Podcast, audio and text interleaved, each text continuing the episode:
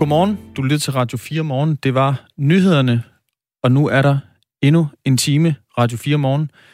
Pakket, klappet og klar til dig. Vi skal inden så længe, så tegner vi et portræt af Joe Biden og Kamala Harris.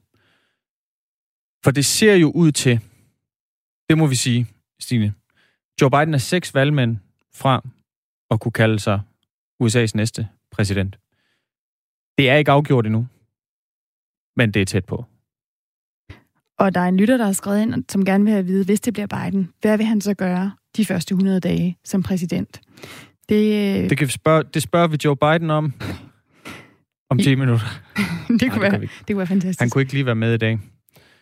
Øhm, så skal vi også øh, forbi de danske mink. Der skal jo øh, aflives mere end 14 millioner mink rundt om i landet. Altså ikke bare i, i Jylland, hvor man har, øh, har etableret udbredt coronasmitte. Altså mere end 200 danske minkfarme er inficeret med corona.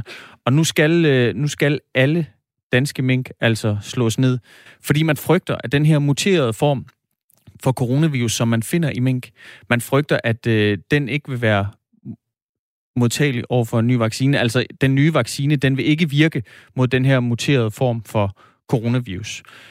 Det har vi øh, talt med, øh, med overlæge Lars Østergaard om. Vi har også talt med en øh, minkavler tidligere på morgenen. Og nu tager vi så dyrevelfærdsperspektivet. For er det bedre at være en øh, død mink end en levende mink? Hvad synes du? Vi vil gerne også have din holdning til det her spørgsmål. Skriv ind til os på 1424. Start din besked med R4. Thomas har skrevet ind. Nyt navn til virus. Mink hvid 20.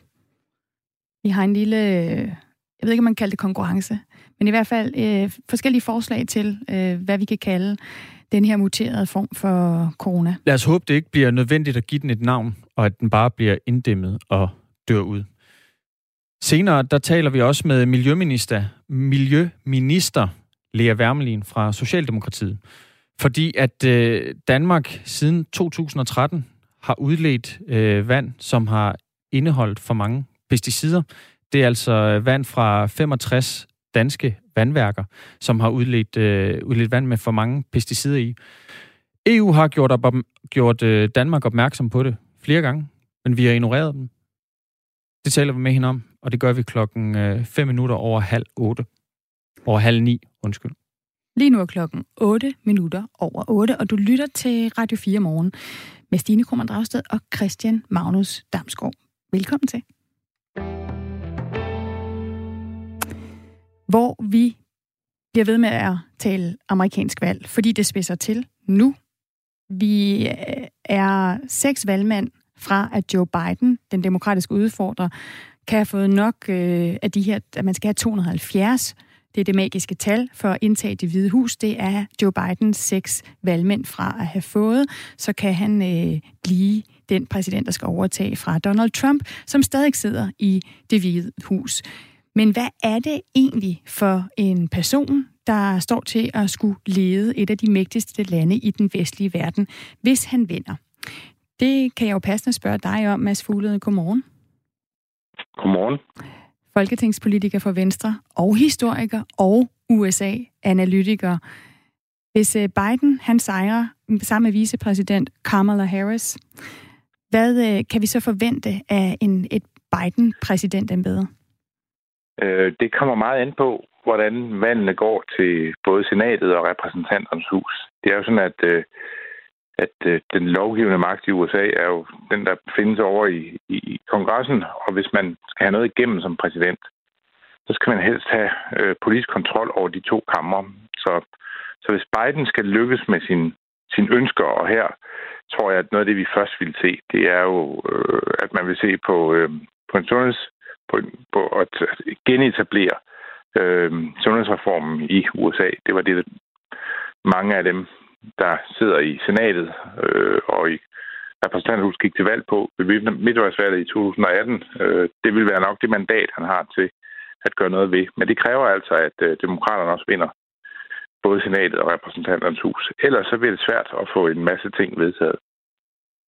Er det ikke netop det, som mange amerikanere egentlig godt kan lide, det her med, at magten er fordelt, og at det kan være øh, lidt svært for en præsident øh, at få vedtaget alt det, han gerne vil? Jo, der, altså mange amerikanere kan godt lide det, de kalder divided government, som jo kræver, at hvis man skal have noget igennem, så laver man kompromis med sin modpart. Men vi skal tilbage til, vi skal tilbage til Ronald Reagan og, og, og, og en del år tilbage i, i amerikansk politik, før der var den her, øh, altså den her arbejdsgang, hvor man altid søgte at finde hinanden. Der har ikke været ret mange store kompromiser mellem de to partier.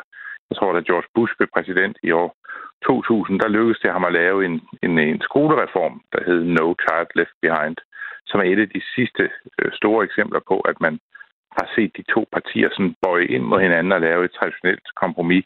Ellers så har de faktisk øh, mest brugt deres muligheder for at, øh, at, at være sådan spildræber over for hinanden og, og forhindre, at de andre kan øh, få noget igennem.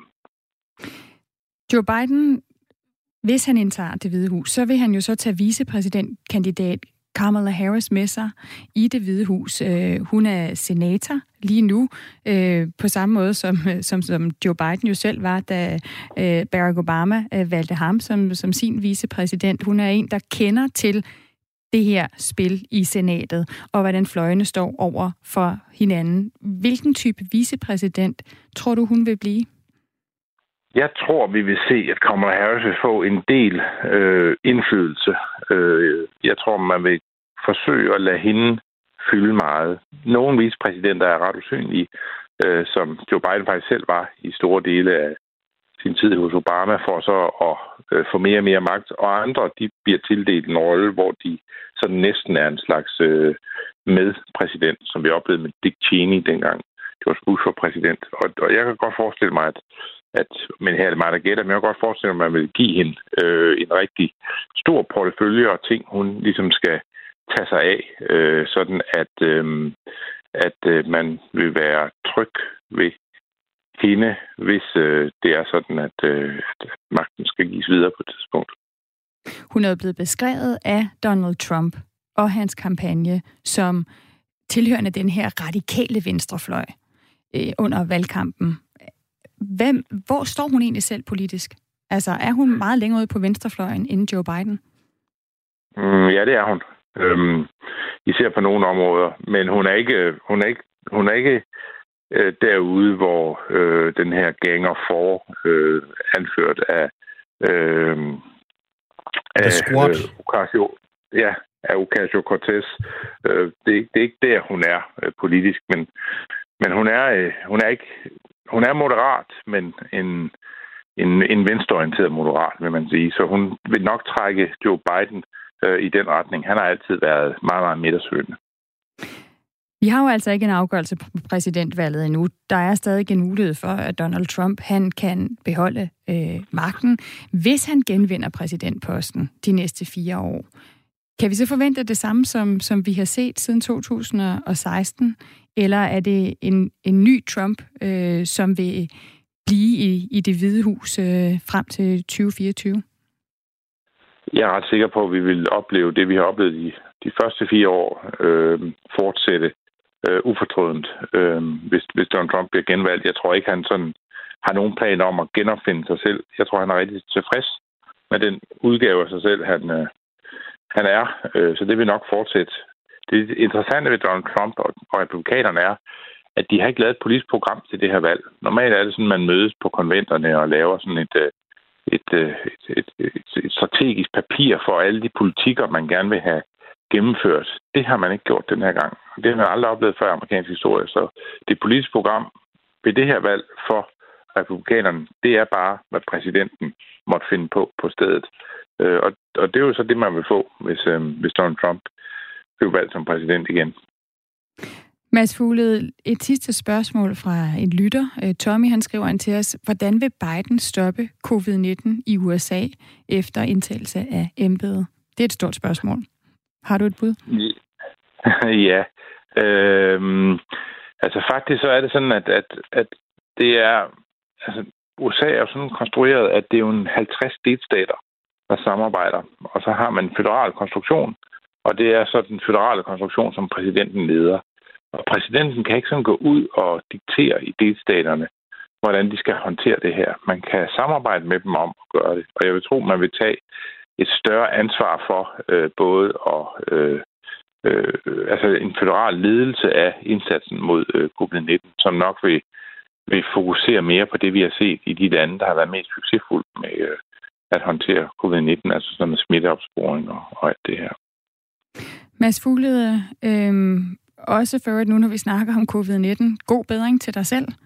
Ja, tak skal du have. I den forbindelse. Øh, jeg håber, du har det godt. Jamen, jeg er stadigvæk symptomfri, så lad os håbe, det fortsætter sådan. Det håber vi. Altså folketingspolitikere for Venstre, øh, og så også historikere og USA-analytikere, der lige her hjælper os med at prøve at kigge lidt fremad. Øh, vi ved stadigvæk ikke, hvem der skal være præsident i USA, men det er tæt på, at Joe Biden han kan clinch the presidency, som man siger. Og, øh, og derfor så er der også nogle øh, af jer, der sidder derude, der allerede har spurgt os, men altså, hvad, hvad er det, vi kan forvente af et øh, Biden presidency? Og det fik vi øh, et bud på her. Ja, vi følger altså øh, optællingen af stemmer i USA tæt. Der er forløbig ikke udråbt en, øh, en vinder i både Nevada, Georgia, North Carolina og Pennsylvania. Altså fortsat fire delstater, der mangler at komme med et, øh, et endeligt resultat.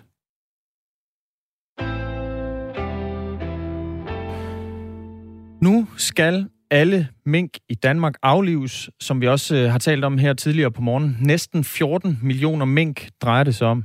Og det betyder, at verdens største producent af minkskin, altså Danmark, bliver reduceret til, ja, ingenting.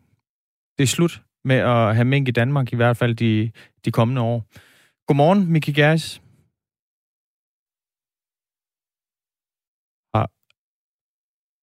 Vi forsøger at få Miki Geis på. Han er altså lektor i bioetik på Institut for Fødevare og Ressourceøkonomi på Københavns Universitet.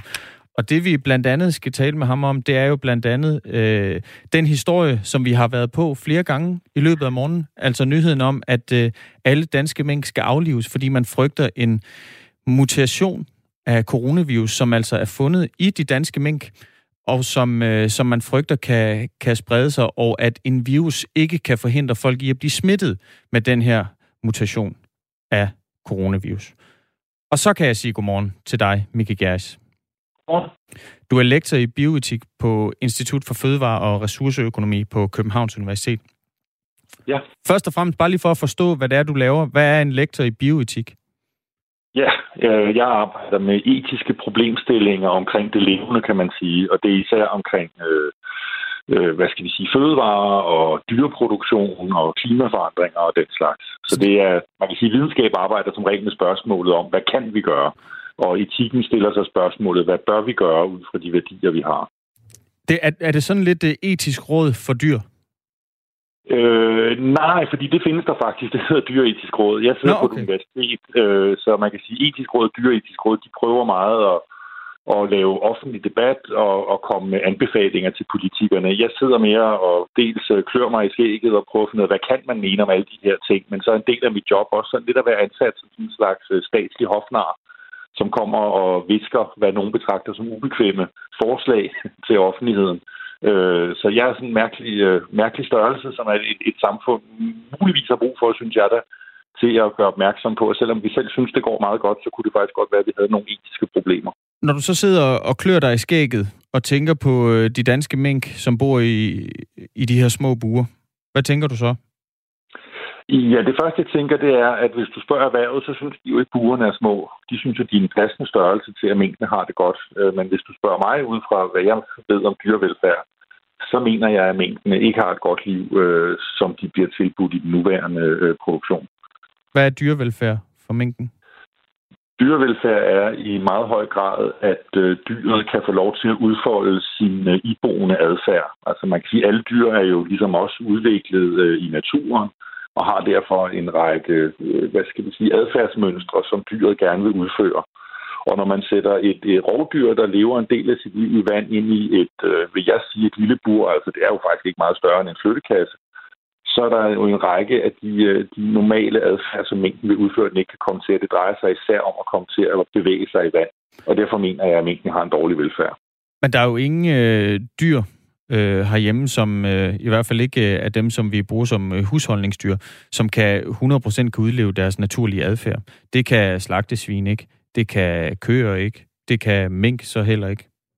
Nej, og, og vi taler jo derfor også om dyrevelfærd øh, for stort set alle vores produktionsdyr. Og de kan så alt efter, hvad det er for en produktionsform, vi taler om, altså er det friland, økologisk eller konventionel, så kan de udfolde øh, noget af deres adfærd. Men det er da rigtigt, at der er jo ikke nogen dyr, der kan leve i et produktionssystem, og så udfolde alt deres adfærd, fordi det, det, så vil vi ligesom ikke kunne bruge dem til at producere dem. Det er, jo, det er jo det, vi mener, vi har ret til at gøre ved dem. Synes du ikke, vi skulle have ret til det?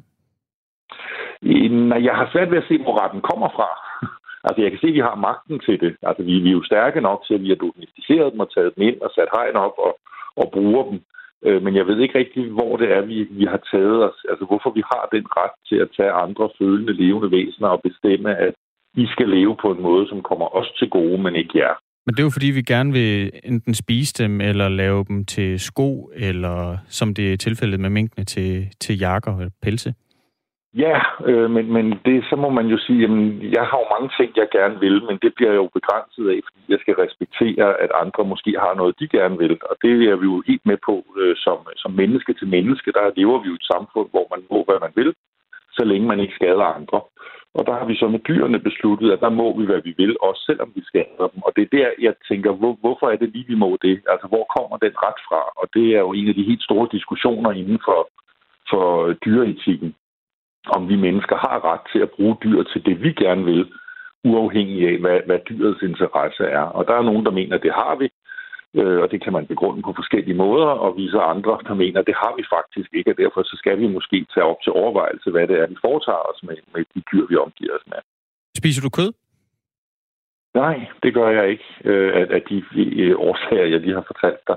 Okay. Fordi der, der er det jo vigtigt lige, at fordi den møder jeg meget tit det spørgsmål, og så har folk det sådan lidt, det er Nå, klart. Så er det jo bare derfor, han siger det, han gør. Og der vil ja. jeg bare lige gøre opmærksom på, at, at, at årsagssammenhængen er den anden vej. At, at jeg spiste kød en gang, og så begyndte jeg at arbejde med de her ting, og så gik det op for mig, at jeg faktisk havde svært ved at finde argumenter for at gøre det. Og så tænkte jeg, når jeg nu lever af at studere argumenter, så må jeg jo hellere prøve at, at leve en smule efter det. Er det, er det mindre synd for minken, altså at den kommer at den bliver slået ned, end, øh, end at den ligesom fortsætter sit liv i de her buer? Øh, det er jo svært at, at sige. Altså, nu er der jo ikke ret mange uger til, de skulle være slået ned alligevel. Øh, altså, det er jo, minkproduktion handler om, at man afliver en masse raske dyr, og så tager man pelsen af dem, fordi man skal bruge den. Nu sker der så det, de bliver, de bliver aflivet noget før, og pelsen bliver ikke brugt til det, som, som minkavlerne plejer at bruge den til. Så, så, så det mener jeg ikke, man kan sige. Man kan sige, at, at fra minkens synspunkt, så slipper der for, for de sidste øh, uger i, øh, i, i sit liv øh, i det bur, hvor den, øh, og selvfølgelig også jo større den bliver, øh, har det vanskeligere og vanskeligere. Sundhedsministeren øh, siger i forbindelse med den her øh, beslutning om at slå alle, alle mink i, i Danmark ned, at der ikke vil blive indført et, et forbud mod at have, have mink i Danmark. Øh, han siger dog, at nedlukningen de facto vil betyde en nedlukning i en årrække, og at det altså ikke vil være muligt at beholde de avlstyr, man har. Skal vi, skal vi genoptage produktionen af, af mink igen? Altså jeg synes jo i hvert fald, nu har jeg jo mærkeligt nok to hatte på. Dels sidder jeg på et universitet og, og skal sådan ligesom være på den ene side på den anden side, og dels så er jeg jo en borger, der har nogle holdninger. Jeg vil sige det på den måde, at lige nu så skal vi til at pumpe et ansigeligt øh, milliardbeløb ind i minkindustrien, fordi vi har en meget tragisk situation øh, ud over øh, mængdene. Så har vi en masse mennesker, der er økonomisk afhængige af det her. Det er deres levebrød. En, øh, ejer de minkfarm, eller også arbejder mm. der også har de en, øh, hvad skal vi sige, en følgeindustri. Så det kommer til at koste rigtig mange penge, og de penge, dem kan vi bruge på to måder. Vi kan enten bruge dem på en måde, så vi går ind og hjælper dem, der er afhængige økonomiske af minkavl nu, med at få sig et andet levebrød. Eller også kan vi bruge dem på den måde, at vi går ind og ligesom understøtter industrien, mens den er på pause, om jeg så må sige. Og så på et eller andet tidspunkt, øh, når corona forhåbentlig kommer under øh, mere, mere i, vi får mere kontrol over det, og vi kan se, at vi faktisk godt fra en sundhedsmæssig vinkel kunne genoptage en produktion, så kan man så gøre det. Og der synes jeg, at det er værd, inden vi bruger de milliarder, at vi får en diskussion om, skal vi på sigt have pelsproduktion i Danmark, eller skal vi ikke? Fordi der kan vi jo, hvis vi så vælger at sige, det skal vi ikke, sandsynligvis spare nogle milliarder, hvis vi allerede nu målretter øh, den støtte, der selvfølgelig skal til i den nuværende situation øh, i den retning. Og der er det jo værd at kigge på, at en, en lang række andre europæiske lande jo har øh, valgt at udfase minkproduktionen, blandt andet af dyrevelfærdsmæssige siger dyreetiske årsager. Øh, og der er det da sådan, at når lande som Storbritannien, Holland, Belgien, Luxembourg, Schweiz, Norge, Tyskland, Tjekkiet osv. osv. har truffet den beslutning allerede, så kunne vi da godt kigge på os selv og sige, skal vi så som et, af, et land, og når lande vi normalt sammenligner os med har valgt at udfase det, skal vi så blive ved, hvis det engang bliver muligt, eller skal vi tage den øh, øh, mulighed, som godt nok er på en tragisk baggrund, men den mulighed, der er nu for at få udfaset den her produktion. Og det vil jeg mene som borger, at det skal vi. Miki Geris, altså lektor i bioetik på Institut for Fødevare og Ressourceøkonomi på Københavns Universitet. Der er en lytter, der skriver ind, naturen slår igen gennem minken, som bliver behandlet så grusomt. Og så skriver Tommy ind med et spørgsmål til dig. Forbruger du noget fra levende dyr, og i fald hvorfor? Eller ja, for eksempel lædersko eller en jakke? Altså, det er mig, han spørger om det. Ja. Ja, øh, jeg forsøger at undgå det i det omfang, det er muligt. Øh, jeg har nogle gamle lædersko, som jeg har valgt at blive ved med at bruge, indtil de er slidt op, men jeg vil ikke købe nogle nye. Jeg øh, spiser medicin, og jeg er også, uden vi behøver at gå i detaljer med, det er blevet opereret flere gange, øh, og der har været brugt forsøgsdyr til at udvikle den medicin og til at, at udvikle de operationer. Og, og lige på det til, øh, punkt omkring brugen af forsøgsdyr, der vil jeg mene, at nogle gange, ikke altid, og slet ikke som vi gør det i dag, men nogle gange kan det faktisk være nødvendigt for at afhjælpe alvorlig øh, menneskelig lidelse. Så der kan man sige, at der bliver brugen af, af dyr et mindste onde. Øh, men i forhold til at, at spise dem eller at gå klædt i dem, der mener jeg faktisk, at vi i hvert fald i den situation, vi er i Danmark, der kan vi øh, undgå det ved at spise og gå i andre ting. Jeg er med på, at hvis man sidder på indlands, så kan det godt være svært, og det er jo vegansk. Øh, men, men, men, men så når man bor i, i, i Tarm eller, eller Roskilde, så, så er det faktisk ikke det store problem nogle dage. Miki Gers, tak fordi du var med. Selv tak. Altså lektor i bioetik på Institut for Fødevare og Ressourceøkonomi på Københavns Universitet. Der kommer mange sms'er ind. Vi prøver lige at se, om vi kan nå forbi, øh, forbi nogle af dem. Øh, Nummeret er 1424. Start ja. din besked med R4. Dem, dem runder vi lige lidt senere. Der er også mange af jer, der skriver ind med, hvad den her mutation øh, af covid øh, eventuelt øh, skal hedde, hvis vi skal, i hvert fald her på Radio 4 morgen, prøve at give den et, øh, et øgenavn, kunne man jo måske kalde det. Men øh, vi skal lige nå forbi USA øh, og, og Mads Anneberg. Godmorgen, Mads.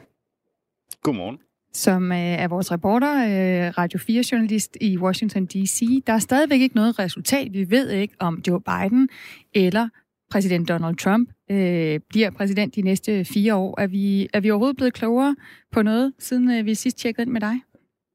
Nej, jeg må med bedrøvelse i stemmen øh, konstatere, at det er vi overhovedet ikke. Altså, der kommer selvfølgelig flere og flere stemmer ind øh, i mange af de her, eller i flere af de her meget, meget afgørende stater, der bliver det tættere og tættere, men øh, vi ved simpelthen ikke mere, end, øh, end vi gjorde for, for en time siden. Hvad ved vi ellers om det valg, der er foregået? For der har jo ikke bare været præsidentvalg i går. Nej, altså, det har der nemlig ikke. Øh, der, er jo, der er jo nogle ting, vi ved. For eksempel så ved vi, at der har været et, øh, et rekordhøjt hvad skal man sige, øh, stemmeantal til selve præsidentvalget, 160 millioner.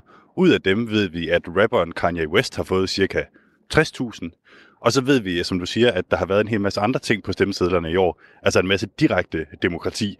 Og det ved jeg, det er lige noget for dig, øh, Stine. Og det betyder blandt andet, at i fire stater, der har de øh, legaliseret, hvad skal man sige, brugen af, af marihuana.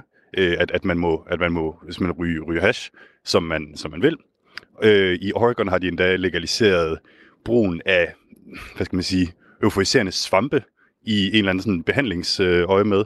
Øh, øh, så er der Missis, øh, hvad hedder det, Mississippi, hvor de har sagt ja til et nyt flag, som ikke indeholder det her sydstatsemblem, som det gjorde før.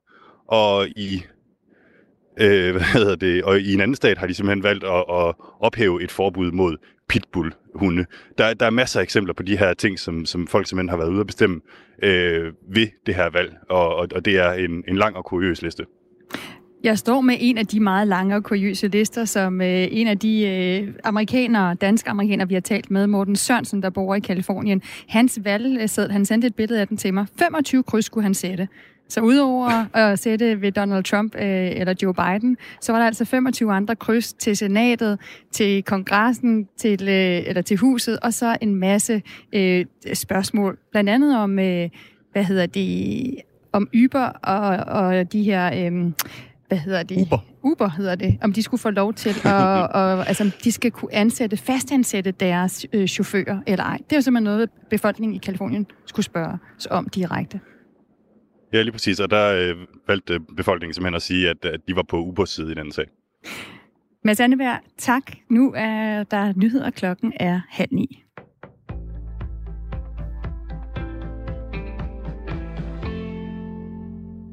Ifølge forløbige prognoser er demokraternes præsidentkandidat Joe Biden særdeles tæt på at kunne kalde sig USA's næste præsident. Ifølge AP står Biden til at have sikret sig til sammen 264 valgmænd. Dermed mangler han kun 6 for at nå de 270, det kræves for at vinde valget. Donald Trump står ifølge AP's prognoser til 214 valgmænd. Holder AP's prognoser, så mangler Joe Biden bare vinde en eller to af de resterende stater for at vinde valget. En af de potentielle stater er Nevada, der har netop de seks valgmænd, Biden mangler. Her mangler en fjerdedel af stemmerne ifølge AP's oplysninger at blive talt op. Ifølge CNN forventer Nevada at offentliggøre flere resultater torsdag aften dansk tid. Derudover mangler Georgia, der har 16 valgmænd. Her mangler der at blive talt flere stemmer i storbyen Atlanta. På nuværende tidspunkt fører Trump med ca. 31.000 stemmer, eller lidt over 1 procentpoint over Biden. Atlanta betragtes som stærkt territorium for Biden, selvom det er uvist, om det er stærkt nok til at lukke hullet op til Trump. Ifølge AP er 98 procent af stemmerne i Georgia talt op. Derudover tælles der stadig i Pennsylvania og North Carolina. En sejr i hvilken som helst af disse fire stater er ifølge AP's prognoser nok til at sikre Joe Biden sejren ved USA's præsidentvalg. Omvendt skal Donald Trump vinde i samtlige resterende delstater. Statsminister Mette Frederiksen skriver på Facebook, at regeringen er i fuld gang med at se på, hvordan man kan hjælpe minkavlere økonomisk. Meldingen kommer efter, at det er blevet besluttet, at alle mink i Danmark skal aflives som følge af coronasmitte i mange besætninger. I sit opslag indleder Mette Frederiksen med at skrive, at hun endnu en gang vil beklage dybt over for minkavlerne i Danmark. Baggrunden for regeringens beslutning er, at Statens Serum Institut har konstateret, at en ny type af coronavirus er vandret fra mink til 12 nordjyder. Det særligt alvorlige er, at viruset i minken er muteret, så den spredning er mindre hæmmet af menneskelige antistoffer. Professor i klinisk mikrobiologi Hans-Jørgen Kolmos forklarer til TV2, hvorfor coronavirus muterer på en særlig farlig måde i lige præcis mink. Fordi at mink i deres luftveje har, øh, de har nogle molekylstrukturer, som ligner øh, dem, som vi har hos øh, hos mennesker, de molekylstrukturer, som virus bruger til at komme ind i cellerne. Og der, er der, altså, der viser det sig altså, at mink har, har, en, har sådan nogle molekyler, som ligner vores rigtig meget. Og derfor så smitter det her virus rigtig meget blandt mink, og i hele taget blandt fritter. Øh, og det betyder jo, at de her øh, store minkbesætninger, de udvikler sig til regulære rugekasser for covid-19-smitte. Og det er jo, nu ser vi jo så, at smitten smitter tilbage til mennesker, og dermed så er der jo et, et scenarie, hvor, hvor, hvor de her minkbesætninger kommer til at udgøre en direkte trussel mod folkesundheden. Det er ikke kun statsminister Mette Frederiksen, som har fået et godt resultat af en coronatest, og dermed ikke ser ud til at være smittet med viruset. Fem andre minister har forløbet meldt ud, at de har fået en negativ test. Forsvarsminister Trine Bramsen, børne- og undervisningsminister Pernille rosenkrantz teil og social- og indrigsminister Astrid Krav kunne i aftes meddele, at de blev testet negativ for virus. Her til morgen har også beskæftigelsesminister Peter Hummelgaard meldt sig på holdet af minister, der har fået en negativ test. Det samme har miljøminister Lea Wermelin. Justitsminister Nick Hækkerup er indtil videre den eneste af regeringsminister, som er blevet testet positiv for virus. En række andre minister afventer testsvar. Først klart i de østlige egne, ellers bliver det overskyet fra nordvest med stedvis lidt småregn. Temperaturer op omkring 12 grader. Du lytter til Radio 4. Mit navn er Thomas Sand.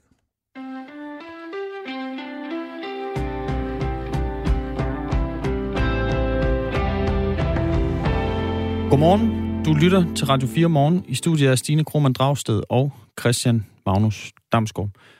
Vi har endnu ikke fået afgjort præsidentvalget i USA. Joe Biden mangler fortsat seks valgmænd for at kunne øh, kalde sig president-elect. Er det ikke sådan, det hedder, Stine? Jo, fordi det er jo sådan, at selv hvis Joe Biden vinder, så er Trump altså præsident øh, et stykke tid endnu. Det vil jo først være den øh, 20. januar, at øh, Biden i så fald vil overtage præsidentembedet, altså den 20. januar øh, 2021. Men der går Hvor han for øvrigt, skal vi lige sige, vil være blevet 78 år. Øh, Joe Biden, han fylder simpelthen 78 år den øh, 20. november. Det er ingen alder jo. Nej, ingen alder. Og så skal vi også øh, til en øh, historie, som har trukket overskrifter for i syv år. Der har danskere drukket vand, som har indeholdt for mange pesticider. Og det har de, fordi Miljøstyrelsen siden 2013 har givet dispensation til, at 65 vandværker måtte sende drikkevand med for mange pesticider ud til borgerne. Men den dispensation, den er i strid med EU-lovgivningen på, på området, og det har fået EU-kommissionen til flere gange at rette henvendelse til Miljøstyrelsen om, at dispensationerne var i strid med den gældende lovgivning. Men det ser altså ikke ud til, at der er blevet handlet på baggrund af de her henvendelser, som altså startede helt tilbage i, i 2013. Og den her historie, den, øh, den vækker stor harme i blandt andet Danmarks Naturfredningsforening, og præsidenten Maria Rømert Gerding siger sådan her. Jeg mener, det er en skandale, at man i strid med lovgivningen har givet vandværker lov til at sende drikkevand ud til borgerne, som overskrider øh, grænseværdierne for sprøjtegift. Så jeg er ret chokeret, og jeg er ret vred. Godmorgen, Lea Wermelin. Godmorgen. Du er miljøminister for Socialdemokratiet. Og så har du også netop øh, testet negativ for, øh, for coronavirus. Tillykke med det. Ja, tak for det. Men altså tilbage til, til historien her. Altså, hvordan kan det være, at man i syv år har udledt drikkevand med for mange pesticider, på trods af, at EU-kommissionen har fortalt, at det er ulovligt flere gange? Det er det, der er meget, meget alvorligt, og det er dybt kritisabelt, at Miljøstyrelsen i årvis har siddet de her indvendinger fra EU-kommissionen overhørig. Vi skal trygt kunne drikke vores vand, som kommer fra vandhanen, og der skal også være tillid til, at de krav, vi har til beskyttelsen af drikkevandet, bliver overholdt. Derfor så tager jeg den her sag meget alvorligt, og er i gang med dels at få ryddet op i de danske regler, få en redegørelse fra Miljøstyrelsen i forhold til, hvordan det overhovedet har kunne lade sig gøre, at den praksis har kunne fortsætte i så mange år, men også at sikre ovenpå ikke bare den her sag, men også en tidligere sag, som Rigsrevisionen har givet kritik af, at vi nu får kammeradvokaten til at lave en ekstern revision af hele drikkevandsområdet, fordi der skal være styr på det her. Miljøstyrelsen de har afvist at stille op til, til interview her i Radio 4 morgen, men de fortæller til os, at det, det er meget naturligt, at du som miljøminister og chef for styrelsen ligesom skal forsvare det her. At jeg skal forsvare det, det kommer jeg ikke til at gøre. Det er din, men, det er din butik men, jo. Det er min butik, og det er også derfor, at jeg øh, meget klart siger, at det er både uacceptabelt, det er dybt kritisabelt, og det er også ubegribeligt, at det har kunne lade sig gøre. Så det er vi jo nødt til at finde ud af med en redegørelse fra Miljøstyrelsen, hvordan det har kunne lade sig gøre, men jo også at få ryddet op og sikre, at det ikke øh, fremadrettet kommer til at kunne lade sig gøre, og øh, at vi får kammeradvokaten til at kigge på hele drikkevandsområdet, fordi der skal være tryghed om, at når man åbner for, for vandhanen, så er der også styr på, på beskyttelsen.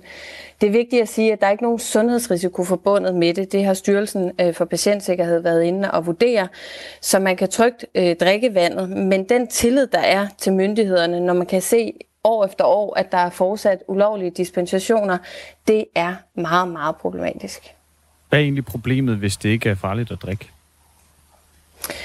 Det er et problem, fordi vi i Danmark øh, netop har øh, muligheden for at drikke vores grundvand stort set urenset. Og det skal vi kunne fortsætte med også til fremtidige generationer. Derfor så skal vi ikke give dispensationer til, at man må drikke noget vand, hvor man overskrider grænseværdien øh, på de her stoffer, som vi, som vi er blevet enige om med, med resten af Europa. Det er, det er meget vigtigt. Der er en lytter, der har skrevet ind på, på 1424, øh, som hedder Jesper. Han skriver, hvilken leder er ansvarlig for, at det her ikke bliver stanset, eller eventuelt sender beskeden videre til den korrekte enhed? Og hvor er den korrekte enhed i dit ministerium? Men det er jo et rigtig godt spørgsmål, han stiller, og det er jo derfor, at jeg også siger, at vi er nødt til at få en redegørelse fra Miljøstyrelsen på det her. Hvad er det, der er sket? Hvad har hændelsesforløbet været de gange, hvor Miljøstyrelsen er blevet gjort opmærksom på de rigtige regler? Hvorfor er det så ikke gået videre til ministeriet, til skiftende minister i den her lange øh, periode, som, øh, som fejlen har fortsat i? Hvorfor er det ikke sket? Det er vi nødt til at vide, hvad der er op og ned i, øh, i forhold til at have det rette grundlag. Foruden dig, øh, Lea Wermelin, så har der altså siddet fem andre miljøminister siden 2013. Hvordan kan ingen af jer have vidst noget om det? Altså, hvordan kan det være, at du ikke har fået noget at vide? Det siger du, at du ikke har. Ja, jeg har ikke fået noget at vide, og det er jo også det, der er meget kritisabelt, at Miljøstyrelsen ikke er gået videre med den viden fra kommissionen til ministeriet til skiftende minister. Det er vi jo nødt til at finde ud af, øh, hvad er op og ned i det her. Øh, og det er derfor, jeg har bestilt en, en redegørelse hos, øh, hos netop Miljøstyrelsen, ud over de andre initiativer, som også bliver taget på baggrund af den her sag. Blandt andet jo også at få fat i kommunerne for at sikre, at der ikke bliver givet nye ulovlige dispensationer, og også at de nu får kigget på de gældende dispensationer, som er i strid med drikkevandsdirektivet, hvor mit klare politiske udgangspunkt er, at de bør stoppes, og der skal de kigge på de retlige muligheder for det. Når et vandværk finder pesticider i vandet, så skal de altså enten rense det eller udlede vand fra et andet vandværk. Men det er der altså givet dispensation for i 65 tilfælde siden 2013. Styrelsen for Patientsikkerhed de har foretaget en vurdering af hvert enkelt stof, og der er altså ikke fundet nogen sundhedsrisiko ved at drikke vandet fra de danske haner. Øh, det oplyser ministeriet til, til os. Det er, der er dog nogen, der er en lidt anden opfattelse, og det er Maria Rømer Gerding, som er præsident i Danmarks Naturfredningsforening. Hun siger sådan her. Så det er helt afgørende, at de grænseværdier, som er sat, at de bliver overholdt, og at man ikke bare får lov til at pyt med det. Det bliver så overskrevet at sende det nu bare ud alligevel, fordi det er jo nok ikke farligt. Vi skal have dyb, dyb respekt for de grænseværdier, der er sat, og de skal altid overholdes, og borgerne skal vide, at det er sådan, det er. Vi skal have dyb respekt for grænseværdierne. Lea Wermelin, kan man blive siddende som direktør for Miljøstyrelsen, hvis man har ignoreret EU-kommissionens henvendelser gennem syv år? Man er nødt til at tage tingene i den rigtige rækkefølge, men jeg er meget enig med Maria i, at vi skal have dyb respekt for vores drikkevand. Det er noget, som øh, der er stor tillid til i hele Danmark, men det har Miljøstyrelsen og med jo ikke haft, har noget af verdens bedste drikkevand. Men det har Miljøstyrelsen jo ikke haft, hvis de har ignoreret de her henvendelser gennem syv år. Så har de jo netop ikke haft respekt for de her grænseværdier. Det er også derfor, at jeg har bedt Miljøstyrelsen om at komme med den redegørelse. Vi er simpelthen nødt til at have et grundlag for at se, hvad er det, der præcist er sket, øh, inden vi kan sige noget om, hvad det kan have af mulige konsekvenser. Kan du forestille dig noget godt argument for at ignorere EU-kommissionens henvendelser gennem syv år? Nej, det kan jeg ikke. Hvorfor så vente på en redegørelse? Fordi ligesom så meget andet, så er vi selvfølgelig nødt til at stå på en viden om, hvad er det konkret, der er sket. Det er jo over en årrække, hvor vi ved, at der har været møder øh, blandt medlemslandene i forhold til drikkevandsdirektivet, hvor Miljøstyrelsen har siddet med, har fået nogle informationer, hvorfor de ikke er gået videre. Det er vi jo nødt til at vide noget mere om, og det er derfor, vi har bedt om den redegørelse, hvor det hele skal afdækkes, og ud over det, at vi også får kammeradvokaten til at lave den eksterne revision på hele drikkevandsområdet, fordi nu er der den her sag omkring dispensationer, som er noget af det, Rigsrevisionen ikke har kigget på, men sidste år, der kom Rigsrevisionen også med en kritik af Miljøstyrelsen i forhold til dispensationer på et andet område, og vi er nødt til at sikre, at der er styr på det her, og den oprydning, det er den, jeg har sat mig for, at den skal vi have gang i nu. Okay, så du kan altså ikke forestille dig noget som helst godt argument for, at Miljøstyrelsen har ignoreret EU-kommissionens henvendelser gennem syv år. Kan man, kan man så blive siddende som direktør for Miljøstyrelsen? Jeg kan godt forstå, at du stiller spørgsmålet, men jeg håber også, at øh, du lytter til, til det, jeg siger og svarer, nemlig at, øh, at vi har bedt om en redegørelse, hvor vi er nødt til at få afdækket, hvad er op og ned i den her sag. Øh, det er ikke klart endnu, og det grundlag er vi selvfølgelig nødt til at have. Lea Wermelin, tusind tak, fordi du var med her til morgen. Velbekomme. Altså Miljøminister og Socialdemokrat. Vi har selvfølgelig også forsøgt at få Miljøstyrelsen øh, med til et interview her hos Radio 4 Morgen. De har altså ikke haft, øh, ikke ville øh, kommentere sagen øh, til os. De har dog iværksat en undersøgelse, som de afventer øh, svar på, hvordan den falder ud, før de vil sige noget i sagen. Den sag, den følger vi her på Radio 4 morgen, øh, som vi følger en, en masse andre, altså de store historier, vi jo ellers har fulgt den her morgen, det er det amerikanske valg, og så er det jo også den her situation, der er, hvor at alle mink nu skal aflives øh, i øh, Danmark. Den beslutning, den blev øh, endelig taget i øh, går aftes. Og det sker jo, fordi øh, coronavirus blandt mink har muteret sig. Og det er noget, du ved noget om, Niels Strandberg Pedersen, tidligere direktør for Statens Serum Institut. Godmorgen. Godmorgen. Hvad betyder det for håndteringen af coronaen i Danmark, at den muterede virus allerede har spredt sig? Ja, altså man kan jo sige, først skal man jo ligesom sige, at grunden til, at vi er bekymrede for den muterede virus, det er jo, at øh, det kan betyde, at vaccinen ikke virker så godt, hvis den her muterede virus breder sig ud i befolkningen. Øh, vi kan se nu, at der har været en spredning i Nordjylland af den her virus, hvor i alt 12 personer er fundet smittet med virus. Øh, alle sammen nogen med en eller anden form for relation til minkfarme, eller nogen, der har været i kontakt med nogen, der har relation til minkfarme. Øh, og vi ved, at mutationen findes hos mink, så derfor gælder det nu om at få inddæmmet smitten op i Nordjylland, øh, så den ikke breder sig med den her muterede virus til, til resten af landet. Ved vi med sikkerhed, at en, at en kommende vac- øh, vaccination mod øh, coronavirus ikke vil virke øh, mod den her muterede udgave af, af corona? Vi ved, øh, at den formentlig vil virke dårligere, for det viser de undersøgelser, der er lavet i laboratoriet, at den vil virke dårligere. De antistoffer, man får ved vaccinen, vil ikke være så effektive over for den her virus, som over for den normale virus, der cirkulerer. Så det ved vi, men vi kan ikke sige, at vaccinen slet ikke vil virke. Niels Strandberg Pedersen, du er altså tidligere direktør for Statens Serum Institut. Hvad mener du, man bør gøre for at begrænse smittespredning, som jo ligesom har haft sit, sit epicenter i Nordjylland, i hvert fald den her særlige øh, muterede udgave af, af corona? Nu er der jo lavet, netop lavet en handlingsplan for, øh, hvordan man skal håndtere smitte. Og øh, der befinder vi os jo i øjeblikket i landet som helhed på niveau 3.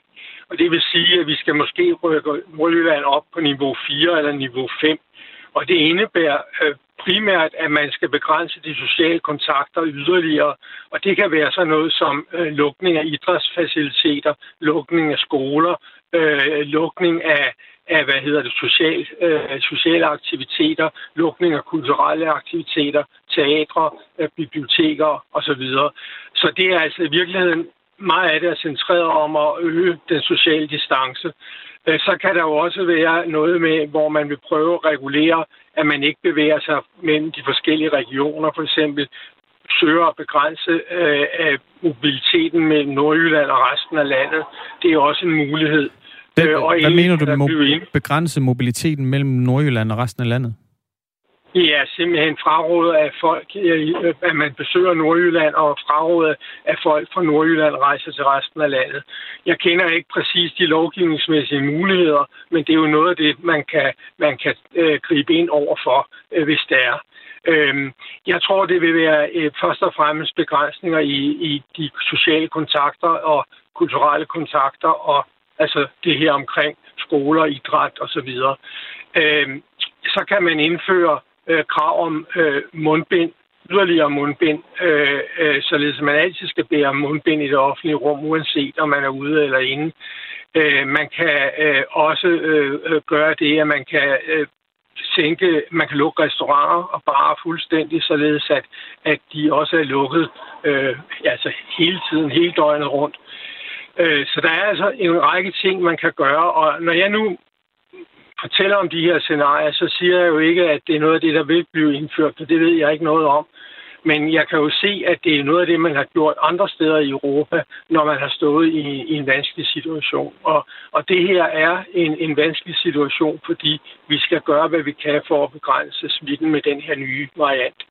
Den her mutation af coronaviruset, som, som altså er sket i mink, og som også øh, har, har spredt sig til mennesker, altså 12 mennesker i Danmark er blevet fundet smittet med den her særlige muterede form af, af coronavirus, som altså kommer fra mink.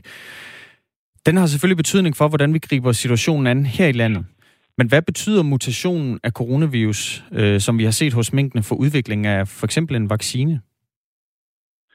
Ja, altså vi fortsætter jo, man fortsætter jo med udviklingen af den vaccine, man har øh, nu øh, fordi det er jo som sagt kun 12 tilfælde i Nordjylland. Men skulle den her virus brede sig yderligere, og viser det sig, at vaccinen ikke giver den fornødne beskyttelse, så må man jo i gang med at lave en ny vaccine, der ligesom dækker den her variant. Og det kan man også, men selvfølgelig vil det forsinke vaccineudviklingen. Det gjorde man jo blandt andet med for eksempel svineinfluenzaen. Der kunne det jo godt det lade sig gøre. Man, Ja, det gjorde man jo netop, og, øh, og det er også, det siger det kan også godt lade sig gøre i den her øh, sammenhæng. Men det betyder jo formentlig, at vi vil se på vaccinen i hvert fald et halvt år senere, end vi ellers ville. Tak fordi du var med, Niels Strandberg Pedersen. Ja, det var så lidt. Altså tidligere direktør for, for Statens Serum Institut. Klokken er 11 minutter i 9, og vi har sagt det mange gange. Er der, der kommet er, en afgørelse? Der er stadig ikke kommet en afgørelse. Nå. Øh, vi ved ikke, om vi kan kalde Joe Biden eller Donald Trump øh, præsident øh, for USA de næste fire år. Men der er nogle ting, vi ved. Vi ved nemlig, at der lige nu foregår en række demonstrationer i øh, flere amerikanske byer efter tirsdagens præsidentvalg. Det skriver blandt andet nyhedsbyrået AP.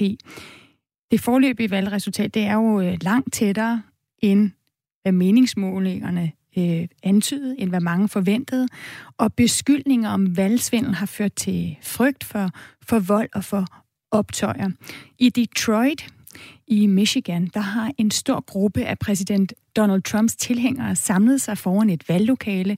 Her er et lydklip, øh, der er optaget inden fra et valgsted, hvor man kan høre Trump-demonstranterne, der gerne vil ind og stoppe optællingen.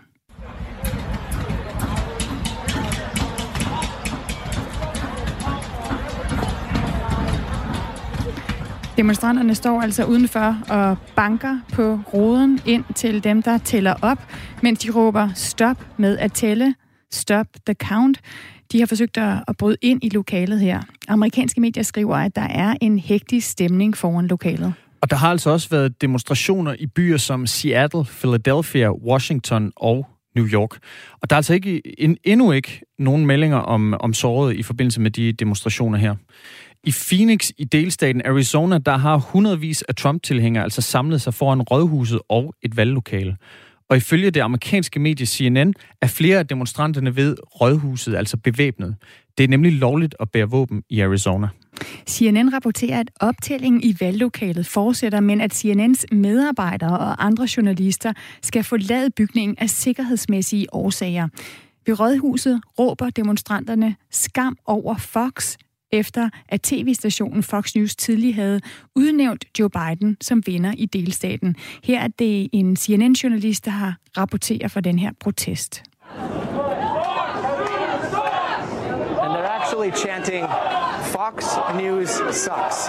Fox News sucks. The reason why they're chanting that is because Fox News called Arizona uh, for Biden yesterday, and a lot of people are angry about that. We have not called uh, Arizona. Uh, a lot of other.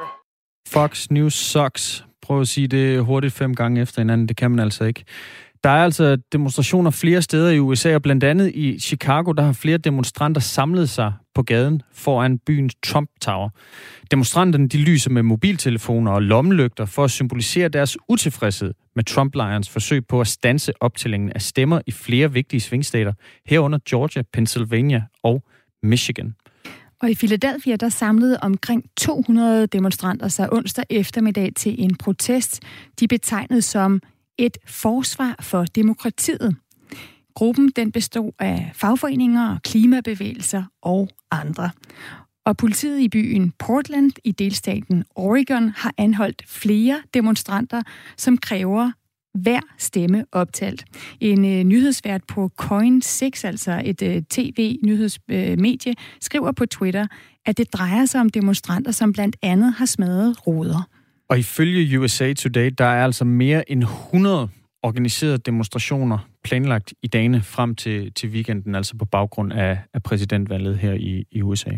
Og Christian Magnus, grunden til, at vi jo nævner det her med, om der har været decideret vold, eller om der har været brug af våben, det er jo, at som vi også har rapporteret her på Radio 4 morgen, at der er rigtig mange amerikanere, rekordantal amerikanere, der har købt våben og ammunition op mod det her valg. Sådan er det jo op mod alle valg. Sådan er det op mod alle valg, men den her gang har det været endnu mere end normalt. De fleste våbenhandlere har haft udsolgt af ammunition, og det foregår på begge sider. Altså både demokrater og republikanere, der føler, at de bliver nødt til at beskytte sig selv, øh, fordi de frygter øh, optøjer. Nu er klokken øh, 6 minutter i 9, og du lytter til Radio 4 morgen.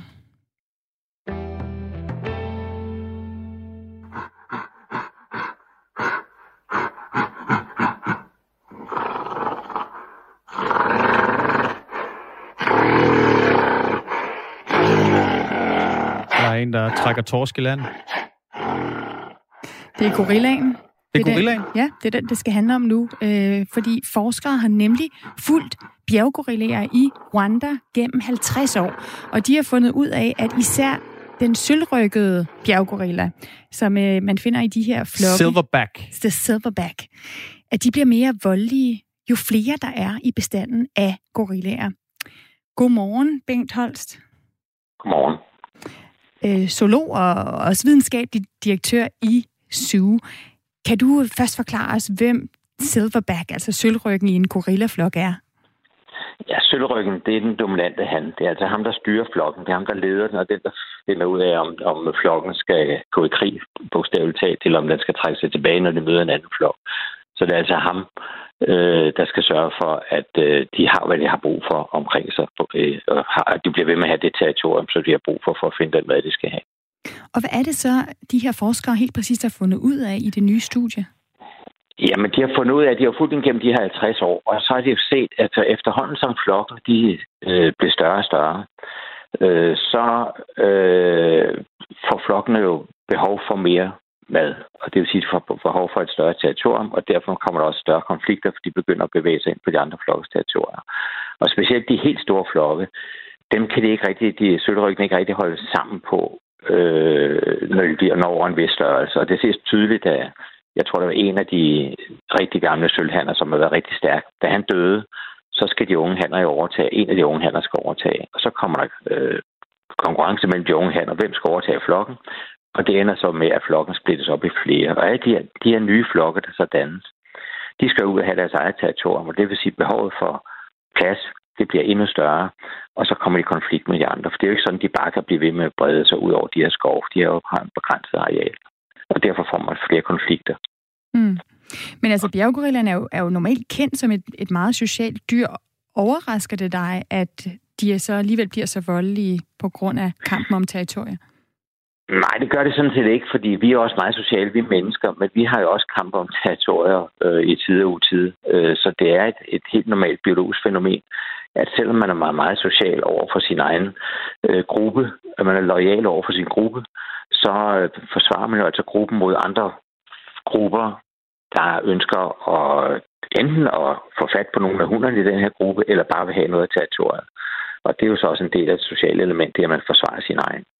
Så det undrer mig egentlig ikke, øh, og det er jo positivt, at bestanden den stiger, men så stiger konflikterne altså også, og det har så betydet i det her tilfælde, at øh, bestandsstigningen ikke har kunne ske så hurtigt, som den ellers ville kunne ske, simpelthen fordi der er en del af ungerne, der er gået til i de her kampe, der er mellem grupperne. Altså, de kommer i klemme mellem de kæmpende hanner, og så går det galt. Og de, de bjerggorillaer, vi taler om her, de er altså cirka halvanden meter høje og vejer mellem 100 og 300 kilo. Og så er hannerne altså betydeligt større end, end hunderne. Og de her fuldvoksne, dominante hanner, de udvikler sådan en, en sølvgrå sadel over ryggen og kaldes ofte for silverbacks eller sølvryg. Og det er altså dem, der, der leder flokken. Hvilke konsekvenser får det, at de bliver, bliver mere voldelige i de her øh, voksne bestande? Ja, det får den konsekvens, blandt andet, at bestanden ikke vokser helt så hurtigt, som det ellers ville kunne gøre, så længe der er plads nok til dem alle sammen. Men ellers så får den, ikke andre, øh, får den egentlig ikke anden konsekvens, end der altid er foregået, at der sker en løbende øh, selektion af de rette individer til at lede flokken. Øh, når jo flere kampe der er, desto, desto mere får de valgt ud, hvem er det, der fungerer til at lede flokken, hvem fungerer ikke til at lede flokken. Så de får hele tiden den bedste leder i den sammenhæng. Så det, det, det får ikke den store betydning andet end, end området det øh, befolkes maksimalt af de bjerggorillaer, der er i området. Og det er positivt, men det sker bare ikke så hurtigt, som det ellers kunne have sket, hvis der havde været plads nok. Bengholz, kan vi bruge de her resultater til andet, end at det er trist, at de mangler territorier og derfor bliver mere voldelige?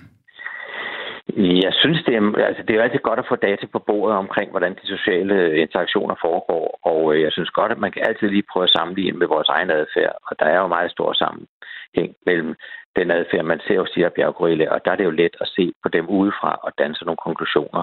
Så kan man jo godt prøve at bruge nogle af de resultater til også at se, hvordan, hvad det er for nogle mekanismer, der foregår i vores del af verden, og få nogle forklaringsmodeller i den sammenhæng.